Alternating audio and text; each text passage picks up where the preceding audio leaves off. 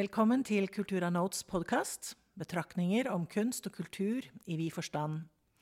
Jeg heter Siri Vollan. Jeg er kunsthistoriker, journalist og fotograf. Min gjest i dag er Stig Marlon Weston. Han er kunstfotograf, daglig leder ved Cyan Studio og Galleri i Oslo, og han er lidenskapelig opptatt av analogt fotografi. Vi skal snakke om nettopp analogt fotografi, og når blir fotografi kunst? Vi sitter i Sian Studio. Her er det studio, mørkerom, galleri og kurslokaler for fotografer av fotografer. Fortell om det. Ja, Cyan Studio var en uh, måte for meg å få et tilhørsted. et sted å være da jeg var ferdig på skolen uh, med fotolinja. Uh, jeg gikk på fotolinja håndverksfag på videregående. Og kom ut og tenkte nå er jeg fotograf, men jeg er jo ingenting. Og det å ha et sted og da føle at man kan jobbe, er nyttig. så lette etter andre fotografer å gjøre det samme. Og jeg hadde jo da også en samboer som hadde gått på fotolinja sammen med meg. Så vi starta det her sammen og prøvde å finne flere. Og fant et par andre, og så har det bare balla på seg over uh, årene. Og blitt et fast lokale, på en måte. Har vært veldig heldig med en hyggelig gårdeier som ikke selger ut eller uh, gjør ting vanskelig. Uh, og derfor har det også vært mulig å gjøre dette til et non-profit arbeidslokale for hvem som helst som driver med foto. Og også bruke lokalet til å, som du sier, ha fotoeventer og workshops og utstillinger og alt det andre man har lyst til å gjøre når man jobber som fotograf. For fotografer av fotografer, hvorfor det? Hva er det? Det var vel følelsen av å komme ut av skolen og så skulle leie av noen som satt og tjente penger på at jeg så vidt klarte å overleve av å være fotograf. Uh, så da var det bedre å finne et sted, eller da starte et sted, hvor det ikke var noen som skulle tjene på andres arbeid. Her uh, på Sian, hvis du leier lokalet her, så går pengene til driften, men ikke til uh, inntekter for meg eller for noen andre. Så man må jo betale husleia og strømmen, og så må man kjøpe inn litt utstyr som alle kan bruke innimellom. Men det er jo et arbeidslokale jeg også bruker, og det er den uh, fordelen jeg får av å være her. Men uh, hvor lenge har du holdt på? Så Sian Studio uh, har 25-årsjubileum i 2023. Og har holdt på lenge, da, mye lenger enn jeg trodde da vi starta det. Og jeg hadde ikke trodd at jeg skulle bli her så lenge heller. Jeg hadde sett for meg at kanskje noen andre skulle ta over etter hvert. Eh, så det har eh, vært her lenge, men så har det jo vært under utvikling og vært et eh, for så vidt variert sted, for meg i hvert fall, under hele tida. Så jeg har syns det har vært bra å fortsette å være her, og heller endre hvordan jeg er her, istedenfor å endre sted. Høres bra ut. Når, når vi, hvis vi introduksjonen så sa jeg jo analogt fotografi. Fortell litt om det. Ja, jeg starta jo på fotolinja sånn som mange andre kanskje gjorde da, på slutten av eh, Eller på 90-tallet. Og det var eh, med å ha prøvd litt mørkeromsarbeid på ungdomsskolen og blitt vist litt av en far osv. Eh, og det var jo sånn man gjorde foto da. Det var ikke noe digitalfoto å snakke om. Eh, så det betyr at jeg vokste opp med det analoge, og det var fotografiet for meg. Um, og da jeg starta Studio, så trengte jeg et mørkerom, fordi det var jo det jeg gjorde. Så selv om jeg gjorde jobber og leverte film til femkalling, og så leverte Dias direkte til kunden, så ville jeg også kunne lage kopier og gi til kunden selv, og ikke levere til en lab. Um, så det har alltid vært mørkerom på Cyan. Uh, og etter hvert som jeg gikk over til digitalfoto uh, jobbmessig, så skjønte jeg hvor viktig det analoge i fotografiet var for meg. For jeg er veldig opptatt av at fotografiet er, i motsetning til andre kunstneriske medier, veldig direkte knytta til virkelighet og til noe man kanskje kan kalle sannhet.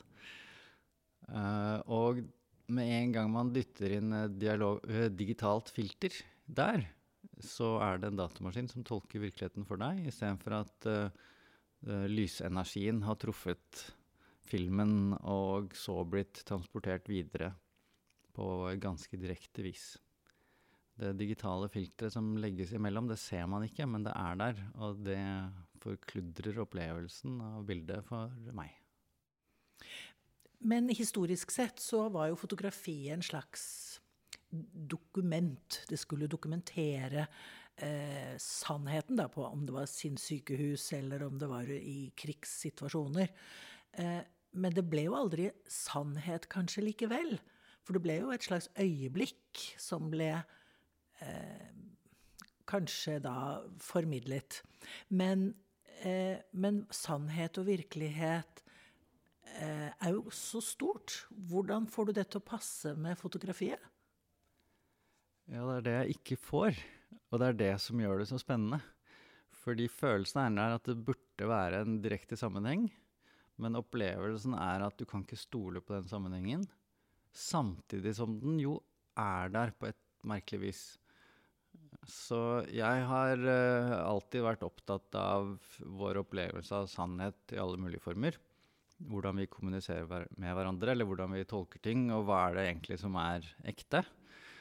Um, men jeg husker veldig godt en sånn uh, time på fotolinja hvor uh, læreren litt sånn snikete tok opp dette med um, hva er riktig kopiering av bilder. Uh, og så var det flere i klassen som argumenterte veldig hardt for at når du kopierer bildet, og har med de svarte kantene rundt negativet, da har du vist hele negativet, så da har du vist sannhet. Og da sa jeg at ja, men du har jo valgt å peke kameraet i den retningen, og ikke litt til venstre. Så allerede der er det jo en tolkning. Uh, og det har på en måte hengt med meg, den diskusjonen. Med at ja, du viser det som er der, men det er noe du ikke viser. Eller du velger å vise det som er der, på en spesiell måte som du har eh, arbeida fram. Og uh, da er det sannhet, men med modifikasjoner. Uh, og i dette her så er det sånn at når du kjenner til fotografiet, så vet du at uh, den problematikken ligger der. Men når du betrakter et fotografi, så er det veldig lett å overse det. Fordi da blir du grepet av bildet, og så tolker du det ut ifra en underliggende forståelse av at det er et øyeblikk, og det er en slags sannhet. Uh, og så glemmer man alle komplikasjonene inni der. Og det må man hele tiden minne seg på. Um, du kan jo selvfølgelig alltid minne deg selv på det, men jeg nekter å tro at de fleste klarer det. Og jeg veit at jeg klarer det ikke. Men denne kjemiske tilnærmingen til fotografiet, det er jo, en, det er jo, det er jo kjemi. Hvor sann er den? Ja, da er det jo reaksjoner som skjer eh, ifølge fysiske lover. Og de skjer utenfor oss.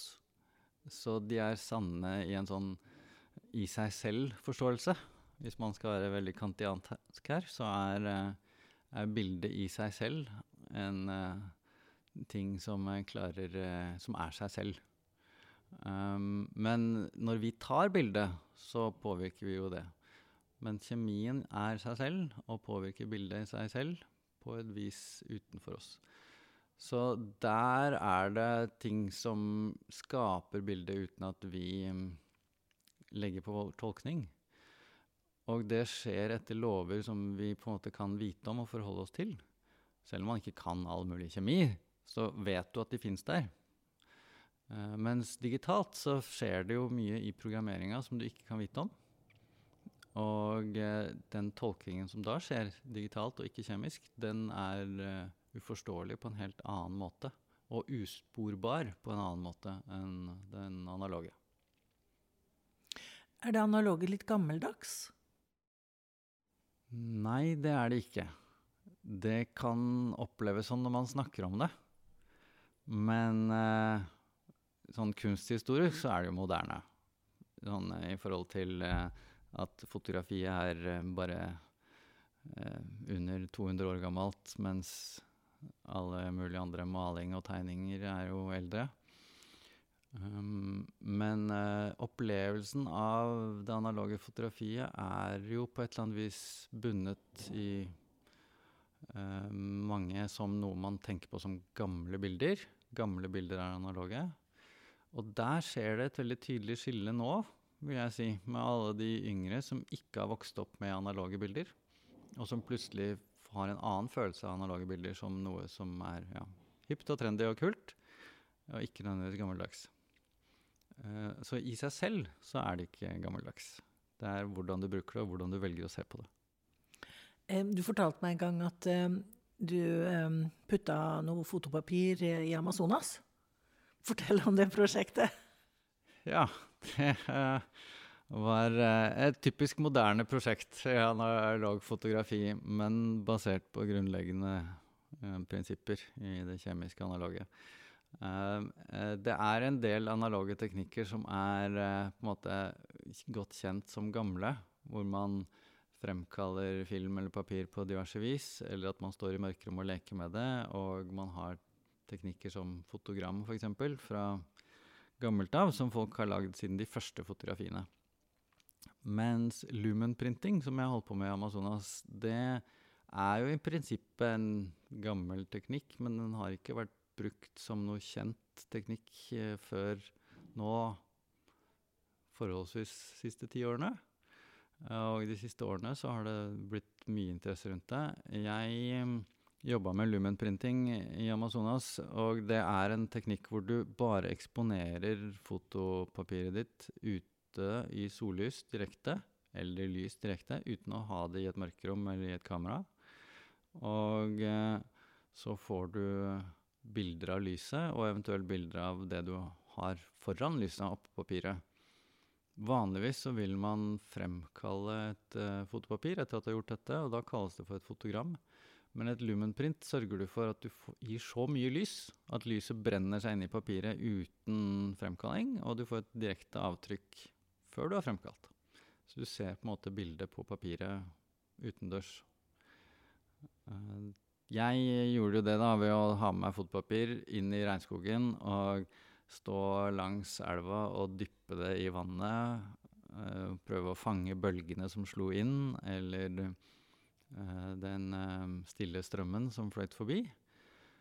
Og med denne teknikken så er det sånn at fotopapir reagerer på lys, men det reagerer også på kjemikalier det møter, og på varme og kulde. Og um, også på en måte på bevegelse, ved at eh, eksponering av papiret er raskest i starten, og så går det langsommere og langsommere. Sånn at det kan på en måte fange bevegelser i starten, og så over tid så reagerer det saktere, så da får du ikke fanga nye bevegelser. Um, så jeg fikk fine avtrykk av elva, og ved å gjøre dette flere forskjellige steder, så fikk jeg en samling av bilder som uh, kan uh, gi uh, forskjellig inntrykk av vannet i elva, avhengig av hvor det vannet er. Og da får man faktisk et landskapsbilde av stedet man er. Men det landskapsbildet viser jo elva da fra en måte som vi ikke står og ser på den, men på en måte som elva bare er i seg selv.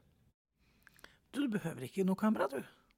Nei, så man trenger ikke kamera for å ta bilder av ting du ser på. Men du får jo ikke bilder av det sånn som det ser ut for deg, men du får bilder av det sånn som det er i seg selv. Eller kjemien. Eller kjemien. Hvordan kjemien er i seg selv. Så det er den fascinerende delen av det for meg. At jeg kan uh, få sett noe som jeg ikke ser, men som allikevel er der på et vis. Men som betrakter så må man jo få noen hint, da. På hva man ser. Eller? Man må ikke det. Uh, men det er det som er det vanlige. Og det er også det interessante med denne typen teknikker for meg.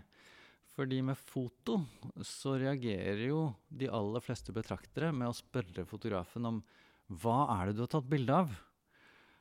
Og hvis det er en person, så ser man ikke på det portrettet og tenker å, den personen så sånn og sånn ut. Man spør hvem er det? Eller hvis det er et landskap, så hvor er det? Istedenfor å oppleve det. Så når jeg da viser et bilde som jeg har dyppa i elva, og du ser at det er noe vannsprut og det er noe brunt, så lurer jo folk på hva er det her bildet av? Men hvis man gidder å bruke litt tid på å se på et fotografi, så kan du oppleve mye i det selv, og eh, prøve å forstå personen du ser bilde av, eller landskapet du ser på, eller da forstå den elva. Um, hvis du gir deg selv tid. Jeg håper jo at mine rare bilder av en elv skal presse folk til å måtte tenke litt og gi seg selv litt tid. Og ikke bare si 'Å ja, du har tatt bilde av Amazonas', ja. Men at man begynner å se på noe fordi det ser så annerledes ut enn du forventer deg. Uh, og dermed våkner interessen litt for å begynne å tolke. Og at man merker kanskje selv at man må tolke, selv om det er et fotografi. Var det sånn du tenkte da du tok bilder av gullbarene òg? Uh, det var det. Uh, jeg begynte med det prosjektet med gullbarer før jeg gjorde disse bildene i Amazonas. Men parallelt med at jeg gjorde andre lignende kameraløse ting.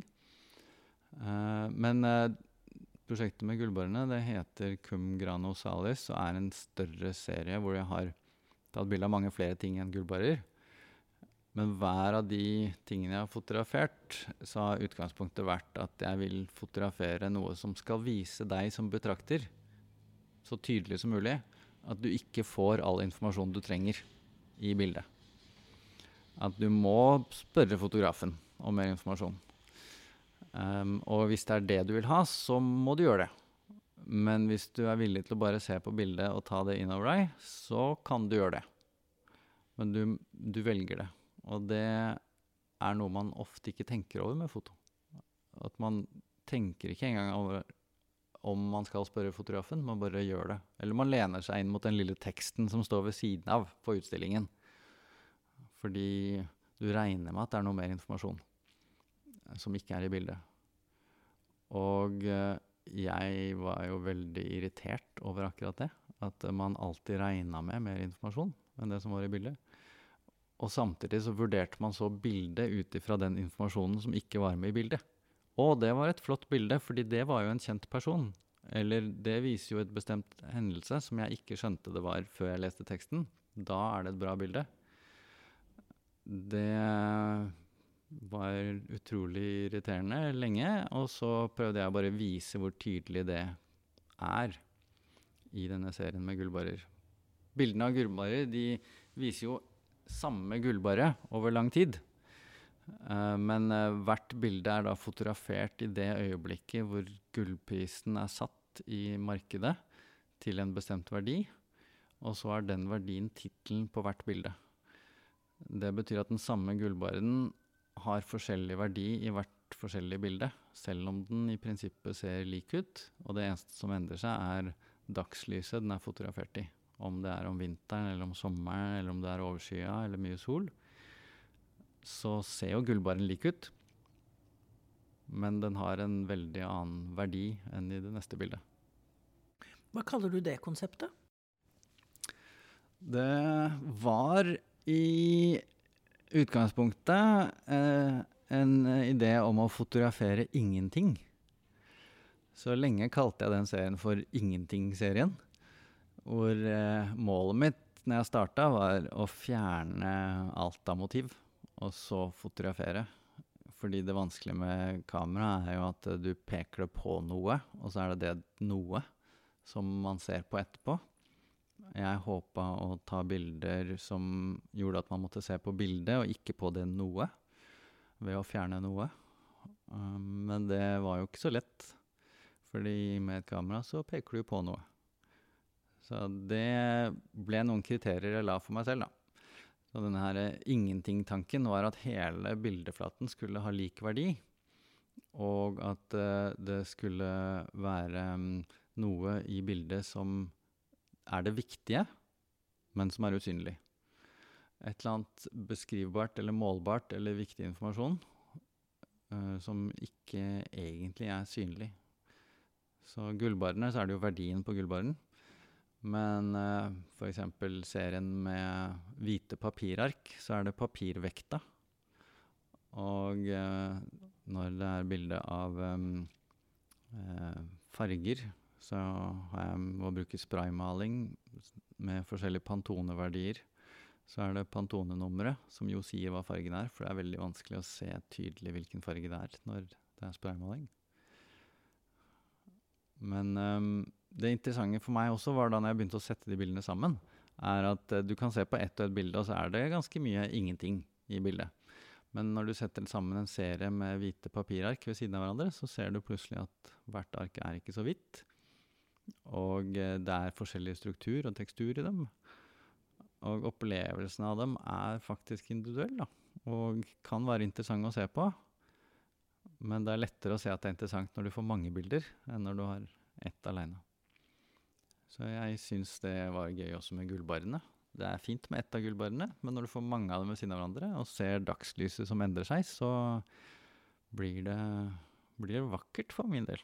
Dette ingenting. Mm, rent sånn filosofisk, hvem, hvilken filosof eh, er det du har lest mye av? Jeg har jo lest flere. Jeg var veldig fascinert av Kant da jeg tok eh, X-Fil. Um, og så eh, har jeg eh, ikke lest uh, noen hele bøker, men jeg har blitt veldig opptatt av Schopenhauer sine ideer om frie vilje.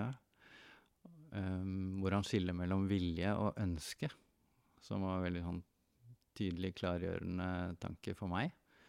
Vi snakker ofte om at vi vil ting, men så gjør vi noe annet. Da betyr det at du ønsker deg noe, men du vil jo egentlig det du gjør.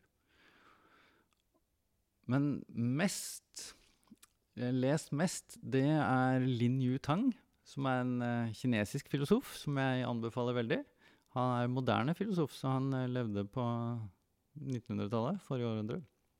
Og er mest kjent for én uh, bok som heter um, Lin Yu Tang sin mest berømte bok heter uh, The Art of Living, eller Smilende livskunst på norsk.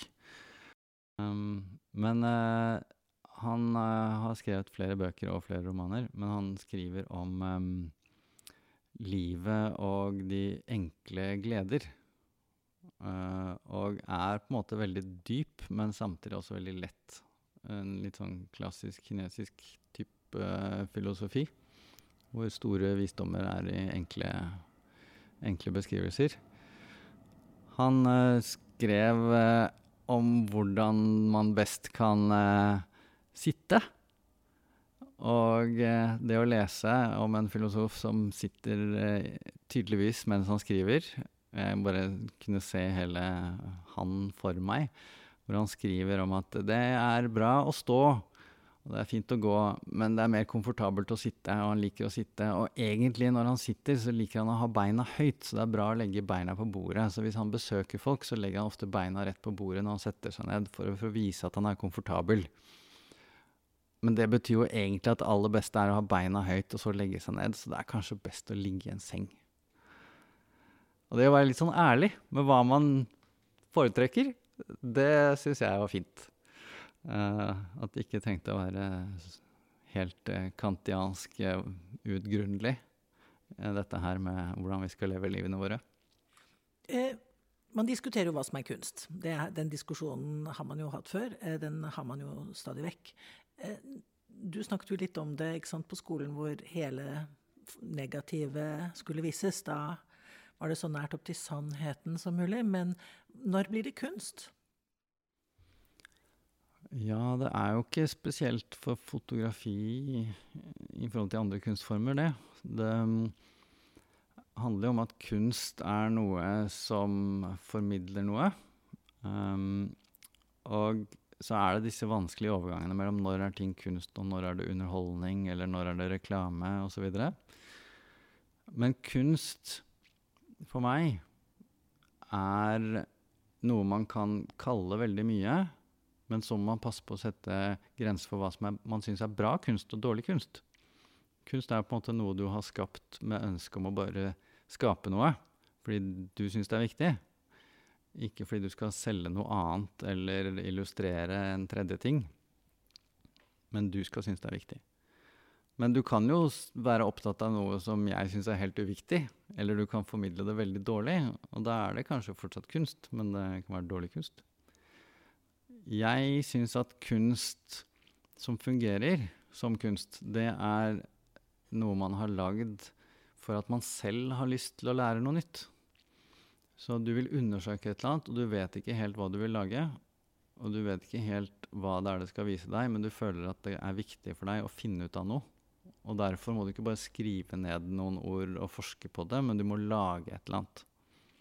Så hvis man fotograferer noe for å kjenne det bedre, eller forstå det bedre, og du har suksess i det, og at du føler at du skjønner det bedre etter å ha fotografert det, så er det god kunst. Og da er det god kunst for deg. Og hvis det er god kunst for deg, og du virkelig har skjønt noe mer av det du har gjort, så er det trolig også god kunst for andre. Kanskje ikke alle andre. Kanskje du har skjønt noe som mange har skjønt fra før. Men det er helt sikkert folk i din situasjon som også trenger å forstå dette. Og da, da har man lykkes. Og da har man lagd kunst, og da har man lagd god kunst. Selv om ikke alle rundt deg syns det. Mye av den kunsten som vi har i dag, er jo konseptkunst. Altså det har en slags innpakning, en slags idé.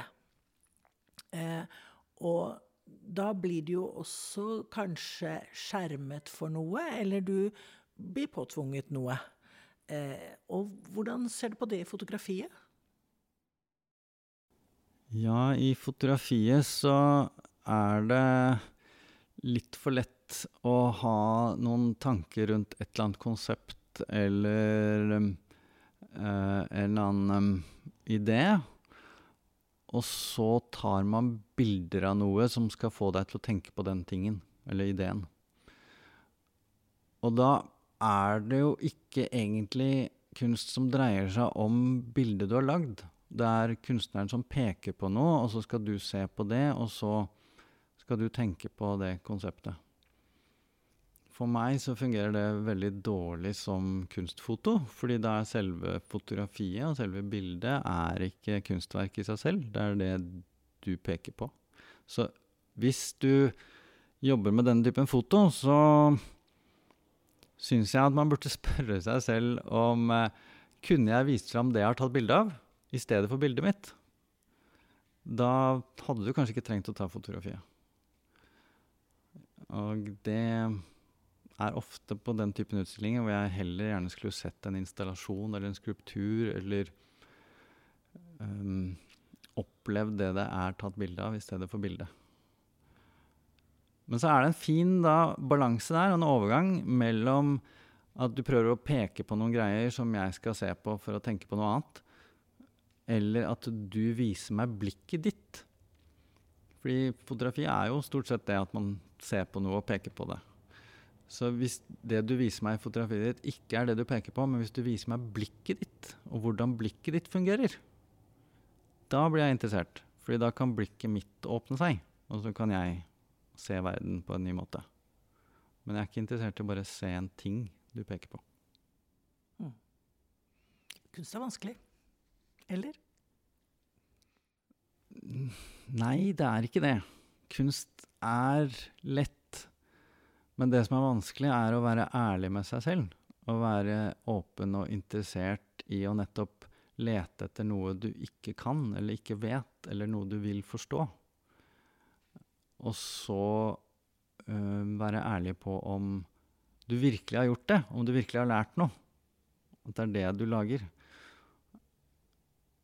Det som ofte kommer i veien, er vel at man prøver å lage noe som skal imponere noen, eller at man prøver å lage noe som skal etterligne noe annet du har likt. Men hvis du allerede har sett arbeidet til en annen fotograf eller en annen kunstner og tenkt at um, dette åpna øynene mine, da kan du ikke åpne øynene dine en gang til. Du kan prøve å gå enda dypere inn i det du har sett, og forstå det enda bedre. Men du, men du kan ikke bare gjenta det. Det som Jeg tenker, jeg er jo fotograf selv, og, og tenker at um, jeg kan nevne kanskje 50 malere, eller tegnere, eller skulptører, som jeg liker. Men det er ikke fullt så mange fotografer. Og det er litt rart. Og noe av det er jo fordi at jeg syns fotografi er så mye annet enn kunst. Og det er mye bra fotografi og morsom, morsom fotografi. Men er det kunst? Der ble jeg litt svar skyldig. Hva sier du til det? Ja, den er ikke så lett, den. For jeg kan være enig i at det er mange andre typer kunstnere som jeg blir veldig fascinert av. Jeg tror det nok har noe å gjøre med at uh, hver dag så males det en viss mengde bilder, og så fotograferes det 10 000 millioner ganger så mange bilder. Så man ser veldig mange flere fotografier, uh, og folk tar fotografier mye lettere. Så det er vanskeligere for betrakteren og oss å grave oss gjennom alle de fotografiene vi ser, eh, for å verdsette de som virkelig fenger oss. eh, uten å bli litt plassert i selve mediet. Og si at fotografiet ja, nei, det er ikke så kunstnerisk. For jeg har sett så mye fotografi som ikke er det. Men eh, jeg har ikke sett så mange malerier som ikke er kunstneriske. Og nei, det er jo fordi du ser veldig mye mer fotografi. Hvis du begynner å se på bygningene rundt deg, og hvordan de er malt, og tenke på dem som malerier, da vil du kanskje bli litt mer basert på maleri som kunst også. Men vi gjør jo ikke det. Vi ser på bare fotografier som fotografier. Uh, og det er jo veldig mye fotografi som ikke er ment som kunst. Og så er det mye fotografi som en eller annen har lyst til å kalle for kunst, uten at det kanskje egentlig er det. Det var vel det jeg sikta til. Ja. Det er jo sånn at som fotograf så skal du jo gjerne ha noen personer i prosjektet, og du skal jo kanskje ha litt kreativ sans og lyst til å lage noe kunst. Um, men i prinsippet så er det lett å lage kunst, men det krever en del jobb å bli så ærlig med seg selv i den prosessen at det du lager, faktisk blir kunst. Så det vanskelige er, er det å komme fram til at den delen der hvor du bruker det mediet du har valgt, på en nyttig måte, og ikke bare på en måte som skaper noe fint. Du driver jo med reklame, reportasje, portrett illustrasjoner. Hvordan lar dette seg forene? Ja, den uh, er en sånn diskusjon i bransjen som ingen løfter opp så ofte. Man bare skuler litt på hverandre. Det er jo ikke så bra ansett å jobbe kommersielt med samme medie som du skal lage kunst. Og uh, jeg har alltid vært litt irritert over det. Jeg tenker at hvis man kan mediet sitt. Hvis du kan bruke fotografi, så er det jo nyttig å jobbe med det som jobb, og jobbe med det som kunst. Og eh, det har fungert for meg lenge, men jeg har jo skjønt mer og mer hvorfor mange syns det er problematisk. Fordi det du jobber med, det setter jo spor i deg. Og så får du en stil, eller en tankerekke, eller en måte å jobbe på som som det er vanskelig å omgå. Sånn at hvis du jobber veldig mye kommersielt med reklamebilder, så vil kunstbildene dine trolig også se mer kommersielle ut. Så hvordan du tenker om dem, og hvordan du faktisk ærlig jobber med dem, er det som avgjør. Men hvis du er vant til å jobbe uærlig med reklame, så er det mye vanskeligere å jobbe ærlig med kunst. Og det syns jo veldig godt i mange av kunstbildene til kommersielle fotografer. Så jeg føler at jeg klarer å komme meg forbi den uh, kneika. Men uh, jeg veit jo at det er ikke så lett å vurdere det sjøl, da. Så jeg skal ikke nekte hvis andre påstår at de ser noe kommersielt i mine kunstbilder. Uh, men jeg føler jo at jeg klarer å balansere det. At jeg heller bruker erfaringa mi fra det å jobbe med oppdragsfoto til å forstå hvordan jeg bruker fotografiet. Ikke hvordan jeg mest mulig effektivt selger noe, men hvordan jeg opplever fotografiet som medium. Fordi jeg klarer å oppleve det fra flere forskjellige vinkler. Og eh, da kan jeg heller forholde meg til det på en mer medieinteressert og prosessbasert vis. Det er også derfor jeg er så glad i det analoge fotografiet. For jeg får veldig tydelig skille mellom digital jobb og analog kunst. Og eh, ikke bare sånn fordi det er en teknikk som liksom skal gjøre det lettere å skille mellom de to, men en teknikk som eh, bringer så mye inn i fotografiet som jeg føler mangler i den kommersielle delen. Tusen takk, Stig. Thank you.